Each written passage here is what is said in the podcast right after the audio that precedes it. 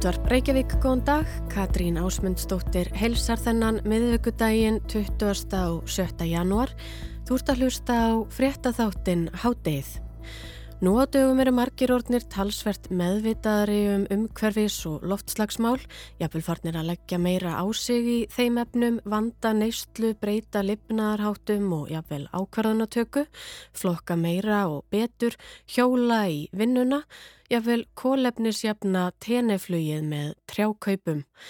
En hvað með veiga miklar ákvarðanir eins og til að mynda fastegna kaup og leigu töku og sölu? Er þetta að huga að umhverfinu og sjálfbærni á einhvern hátt í þeim efnum. Í setni hluta þáttarins kemur Bjarni Herrera fórstöðumadur sjálfbærni hjá KPMG og fræður okkur allt um það. En við byrjum þó á allt, allt öðru og förum út í heim. Auðkífingurinn Elon Musk, stopnandi rafbílaframleðandans Tesla, geimferðafyrirtækisins SpaceX, manneskja ásins í fyrra samkvæmt bandariska tímaritinu Time og jafnframt ríkasti maður heims er komin vel á veg með nýjasta verkefni sitt en hann hefur á undanförnu verið að þróa rafflögur til að græða í fólk og eiga verða allskonar meina bót.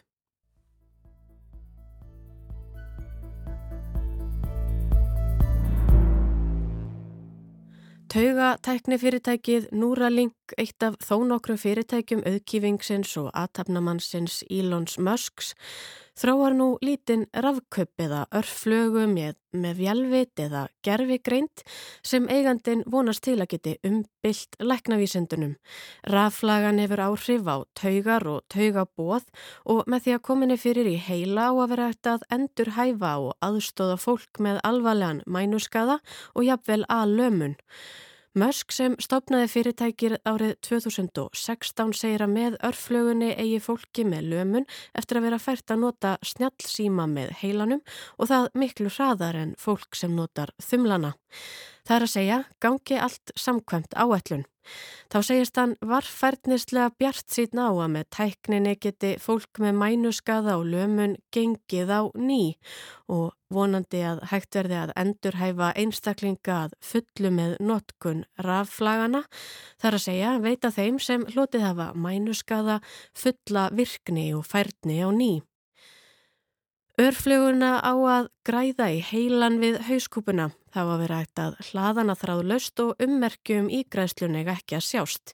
Eða eins og Musk segir, viðkomandi á að líta fyllilega eðlilega út og líða eðlilega þrátt fyrir heila í græðsluna og kuppin. Hann segir að hugsa með tæknina þannig að veri sé að skipta óheilbreyðum eða ónýtum taugafrumum út fyrir rafrásir sem þá taka við þeirra hlutverki. Þessi framúrstefnulega tækni hefur verið í þróun hjá fyrirtækinu undanfarin ár og verist komin vel á veg. Til dæmis hafa verið gerðar tilraunir með ígræðslur í dýr, makaki, apan, pager og svínið gertrút og það víst með góðum árangri. Okay. The, the beeps you're hearing are real-time signals from the Neuralink in Gertrude's head. Hér lýsir Musk því hvernig raflagan sem er á starfið smápenning og grættar í heila svínsins Gertrúd er tengt tauga frumum í snoppu svínsins. Kupurinn sendir svo frá sér bóðmerki í hvert sinn sem Gertrúd beitir tríninu og þefar af einhverju. So this Neuralink connects to neurons that are uh, in her snout. So whenever she snuffles around and touches something with her snout, uh, that sends out uh, neural spikes which are detected here. Musk segir að Gertrúd sem á þessum tímapunkti hafi verið með ígræðsluna í um tvo mánuði sé heilbreið og hamingjusum og gott dæmi um hvernig tæknin geti nýst í framtíðinni. Uh, we have a healthy and happy pig, initially shy but obviously high energy and uh, you know kind of loving life and uh, she's had the implant for two months. So this is a healthy and happy pig with an implant that is two, month old, two months old and working well.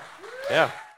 Hitt tilunadýri sem sagt var nýjára gammal abi af markattaætt sem heitir Pager og sávirtist einnig heilbreyður og sáttur eftir tilrauna í græsluna.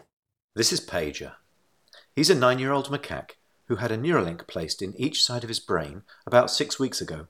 If you look carefully, you can see that the fur on his head hasn't quite fully grown back yet. Eftir sex vikur af raflögulífi hafði Pager lært ímislegt nýtt og fengið ógrinni af ávaksta hristingum og banunum fyrir. He's learned to interact with a computer for a tasty banana smoothie delivered through a straw. Og nú er svo komið að kapla skilum í tilraunastarseminni. Í ljósi góðs árangurs af tilraunum núraling með ígræslur í dýr leitar fyrirtækið nú að einhverjum sem er í stakkbúin til að leiða klinískar tilraunir með ígræslur í fólk. Mösk segir að stemt sér á að hefja tilraunir snemma á næsta ári að því gefnu að matvæla og livjastofnun bandaríkjana gefi grænt ljós á það. Þanga til halda starfsmenn fyrirtækisins áfram að þróa tæknina og prófana og ganga úr skugga um að hún sé örug, áreðanleg og trygg og að hægt sé að fjarlæga rafluguna á örugan máta. Musk segir þó að það verði ekki fyrir en að tilraunir með ígræðslur í menn hefjist sem þróun tækninar fari fyrst á flug. Þá verði örari framfarir í þróuninni og tilrauninu með fluguna en það mun auðveldar að fá endurgjöf og viðbröð frá manneskjum en öpum, segir hann. Það verður spennandi að fylgjast með þróun þessarar nýju tækni ríkasta manns heims og sjá hvernig til text í afar náinni framtíð. Sumir taka tíðendunum fagnandi og vonast eftir að árangur náist en aðrir telja að frumkvöðlinn sé kannski komin örlítið fram úr sér með þessum áformum og fyrirætlunum.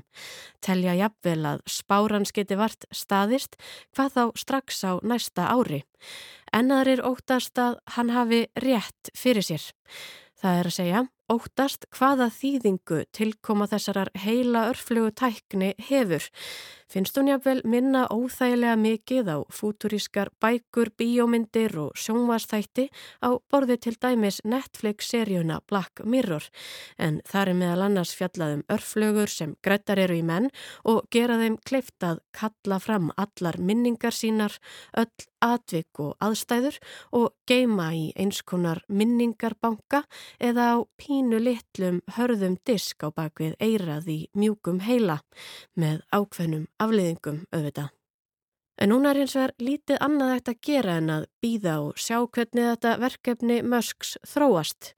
Sjá hvernig tæknin heldur áfram að verða betri og meiri og hvernig hún heldur áfram að vinda upp á sig, hvernig samfélagið mótar tæknina og þróunennar og hún okkur á móti. We can interact with the Neuralinks simply by pairing them to an iPhone. Just as you might pair your phone to a Bluetooth speaker.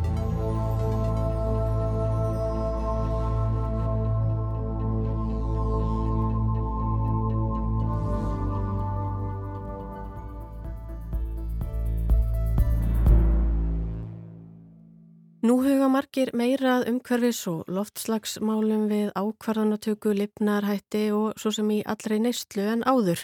Við pössum að setja ekki pappa í vittlus á tunnu, tökum kannski strætófreikarina rúndum á yngabilnum eða notum rör úr gleri eða pappa og þar fram eftir gödunum. Þetta eru kannski svona þess augljósu þættinir en hvað með aðrar ákvarðanatökur og svo sem annars konar nýstlu? Hugum við nægilega að umhverfinu og sjálfbærni á öðrum sviðum lífsins svo sem þegar við gerum veiga mikil kaup og tökum stórar lífsákvarðanir á borðið að ákveða hvar við ætlum að búa, að lifa og hrærast. Hvers konar fastegn við ætlum að leggja spari fyrir í eða hvers konar fastegn við ætlum að taka á leigu og áhrif þess á umhverfið. Til að svara þeirri og fleiri spurningum er til okkar komin Bjarni Herrera, forstuðumæður sjálfbærni hjá KPMG sem veit talsvært meira um málið. Velkomin. Takk fyrir. Þú hefur kynntir einmitt þetta efni sjálfbærni í fastegnaköpum og við leigutöku. Hvernig tengist þetta tvent og Hvernig er hægt að huga að sjálfbærtni við fastegna kaup? Mhm. Það er lungun sagt að fastegna kaup einstaklinga bara eins og okkar tökja eru einn ein, ein stærsta fjár útláts ákvörðun lífsins. Þetta eru, við erum að tala um 10 miljóna og, og hérna, við vitum bara bæði hversu langan tíma tekur að spara fyrir þeim peningum uh, sem launa fólk. Þannig að þetta eru stórar ákvörðanir og hérna sem betur fer er svona færast í aukana að uh, fólk sé að huga að sjálfbarnimálum í þeim stóru ákvörðunum Uh, við sjáum fjölgun í húsnæði sem er til dæmis svona grænvottað eða bremvottað, svansvottað og fleira. Það sem er verið að huga að alls konar efnisvali, umhverjusvætni, steipu, hvaða málingu er verið að nota, uh, orgu nýtni fastegnana, aðgengi almenni samgöngum. Nú sér maður í nýbyggingum að fólk þarf að borga aukalega fyrir bílastæði. Stundum fylgir ekki eins og bílastæði með nýjum fastegnum þannig að þú þarfst annarkvort að leiða eða bara setja við að hafa ekki aðganga bílastæði uh, þannig að það er svona ímislegt sem er hægt að hugað maður er mitt veldið fyrir sér sko um, ef að grænvottaðar þessar grænvottu eignir eru þær á hverju strái og svona ef að frambóðið er lítið ekkert getur maður þá samt einhvern veginn hugað þessum þáttum við kaupin mm -hmm. Já, blessunlega er, er þeim að fjölga. Uh, bara fyrstu slíku eignirnar voru bara dett inn núna á síðustu fáu árum. Uh, við sjáum ríkið uh, búin að taka svona ákvörunum að allar fastegnir þeirra sem að kosta yfir einhverja til dæmis 500 miljónur króna eða einhverja slíka upphæð þurfa að vera breymvotaður og, og það er náttúrulega ekki bara að vera að huga umhverjusmálum, þetta er líka svona félagslegum þáttum og velliðan fólks, bara lýsingu, hljóði uh, slíku. Þannig að hérna, þeim er að fjölga. Uh, og, og, en, en eins og komið er ekki svo aðgengilegt kannski fyrir einstaklingana eins og mig og þig að, sem erum að hugsa að kaupa fastegnir uh, þannig að ef að það er ekki í bóði þá er svo sem líti sem að ég og þú getum gert með þá fastegn sem við eigum, við erum ekki að fara að skipta út steipunni en, en við getum hugaðið í hvar við kaupum þá fastegnina og, og hugsa, þú veist, hvar eru við mögulega að fara að vinna næstu 5-10 árin get ég hugað að staðsetningum með tillit til, þess. Uh, aðgengi að almenningssamgöngum. Uh, nú náttúrulega þegar við fyrir síðan eins og er verist vera mjög vinsalt á Íslandi kannski sérstaklega hungu fólki að kaupi fastegn og, og gjössanlega tæmir hana, reynsar allt út og og kaupir allt nýtt og, og hérna, reynsar bara út innmólsið sem að kannski má ofta deilum hvort það sé skynsalegt hvort það ekki að leifa, leifa hlutunum að lifa aðeins lengur. En, en þá allavega við slíkar ákvarðanir þegar þarf að skipta út eldustækjum hérna, húsgögnum öllu slíku að huga þá að því að þetta séu þá umhverjusvætni tæki orkur sparandi tæki Eh, umhverjusvottar hérna, vottuð húsgögn sofasett, rúm, fleira eða það sem hægt er. Þannig að það er alveg heil mikið sem er hægt að huga úti Einmitt maður jafnveg líka huga eins og sér innbúinu húsgögnunum kaupa umhverjusvottað og, og hvað er þetta að gera eitthvað einmitt fleira sko með þá fastegn sem að maður er þegar í eins og að mann langar að já, fylgja þessum hröðu tískustefnum sem oft er eins og í húsgænavali en maður vill ekki gera það á kostna umhverfisins. Mm -hmm. Já, ég menna, þú veist, og, og við getum letið til, þú veist, annara aðtunum gera eins og, eins og hérna, tískuð yðnarins bara í held, þú veist, það sem þetta fast fashion uh, hugtak hefur verið hérna ríkjandi síðasta síðustu áratöginna eða eitthvað slíkt. Þess að allt snýst um að kaupa nýja nýtt sett af fötum bara á hverjum ásfjörðingi en fólk er náttúrulega bara að sjá í gegnum að það er náttúrulega ekki sjálfbært, það er ekki sustainable, það er hérna og þá, þá sjáum við stefnur eins og svona slow fashion að e, kaupa betra og sem að duga lengur. Og ég sá heldi góðan hérna mælikvarðin dægin hérna með, með fatnað. Að þú ert að tala um það sem sko kostnað per nótkun þannig að ódýr klæði sem þú notar sjálfnar kosta kannski meira per notkun heldur en eitthvað sem er betra og þú notar lengur. Og það er þetta heimfara þetta líka yfir á bara húsgögnin og, og fleira. Þetta er mjög já, áhugaverð uh, áhugaverð nálgun, maður hafði ekki kannski leitt hugan að því mitt þessu sjónameði áður. Ég sá líka að þú komst inn á það að staðsetningin skiptir meira og meira máli mitt hvað var þar uh, samgöngum áta og með þú talar um nærum hverfið og svo jafnvel sko drastískari breytingar eins og hækkun vaspors. Mm -hmm. Hvernig getur það haft áhrif? Já, rann, rannsóknir segja okkur að hérna sjáamálmunni hérna hækka á einhverjum stöðum í heiminum veist, hérna um, jöklar að brána og, og, og svo frammeðis uh, bein áhrif sem það mun hafa á Íslandi, þú veist, er kannski aðeins óljós en, en það geta alveg verið staðir og getur verið kannski meira flögt á uh, yfirborði sjáar og, og kannski einhverju tilfellu meiri, meiri veðurofsi og fleira. Og svona útsið áhrif þess á Íslandi til næstu áratöga eru kannski aðeins óljós eins og er en, en auðvitað verið að skoða. Þannig að einhver, í einhverjum tilfellum getur þetta haft áhrif ef að, að fastegnir eru byggðar bara alveg við sjávarmáli til dæmis veist, en flestar fastegnir eru nú þó nokkuð marga metra fyrir ofan sjávarmáli sem betur fyrir þannig að þetta er nú kannski ekki margar en þetta er samt klálega eitthvað sem að þarf að velta fyrir sér mm -hmm. til lengri tíma einmitt og svo fyrir maður kannski að hugsa út í sko svona eh, loftslægið í heilsinni ef maður ætlar til dæmis ekki að búa í Íslandi ef maður kannski vil ekki búa einhver starra sem er of hlýtt fyrir Íslandinga og eða mun einmitt verða þurkur og þess að maður fyrir kannski að huga sko náttúru auðlindum í þessum hefnum líka. Já, e, og, og, og líka annað dæmi sem við sáum til dæmis á Seyðisverði, uh, hérna örskriður á Seyðisverði sem er alltaf ræðilegt mm -hmm og, og hérna, settu mörg húsin þarna alveg í, á bóla kaf að það er, þú veist, öðrskriður geta verið ein afleðing þessara mm. veðurfarsbreytingar sem við erum að sjá uh, veist þannig að það er möguleiki þannig að það þarf að huga út í kannski fleiri þætti heldur en bara líka sjá, sjáamálið sko en, en það er alveg rétt að hérna, aðgengi á náttúrulega skiptir mm. máli Ég sá að tala um líka með sko að þetta haldist svolítið allt í hendur uh, sjálfbærnin, fastegna kaup og þar jafnvel þurfum að líka huga félagslegum þáttum og bara almennri hagsælt. Hvað áttu við með því? Hvernig getur maður að tekið tillit til þessa? Mm -hmm.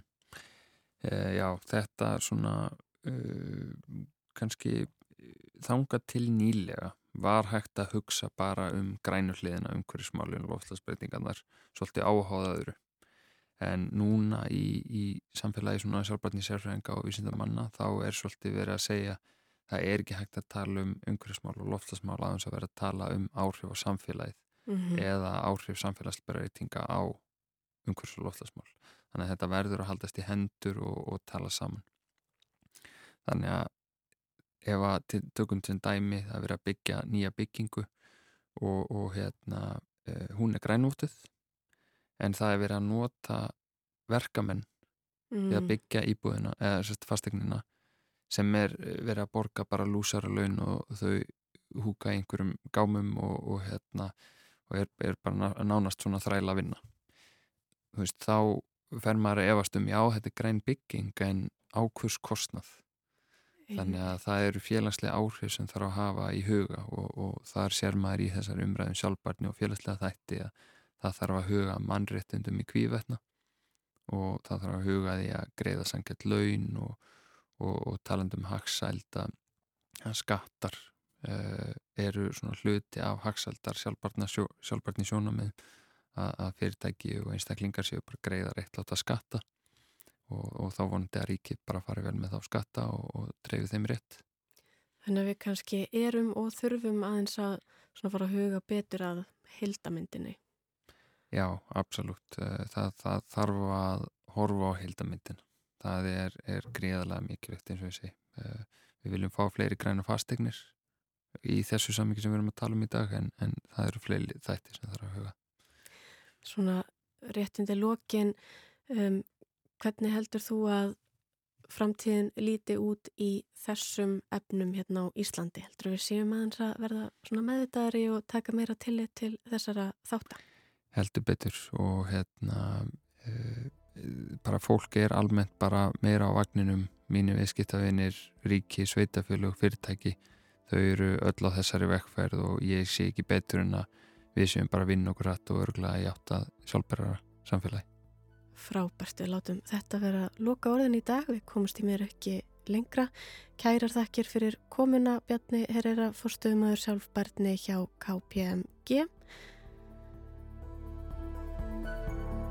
Háttegið er þá á enda í dag. Við verðum hér aftur á sama tíma á morgun. Þátturinn er einni aðgengilegur í spilaranum og á hlaðvarpsveitum og þá er þetta að senda okkur post með ábendingum á netfóngið háttegið hjá rúf.is. Verið sæl.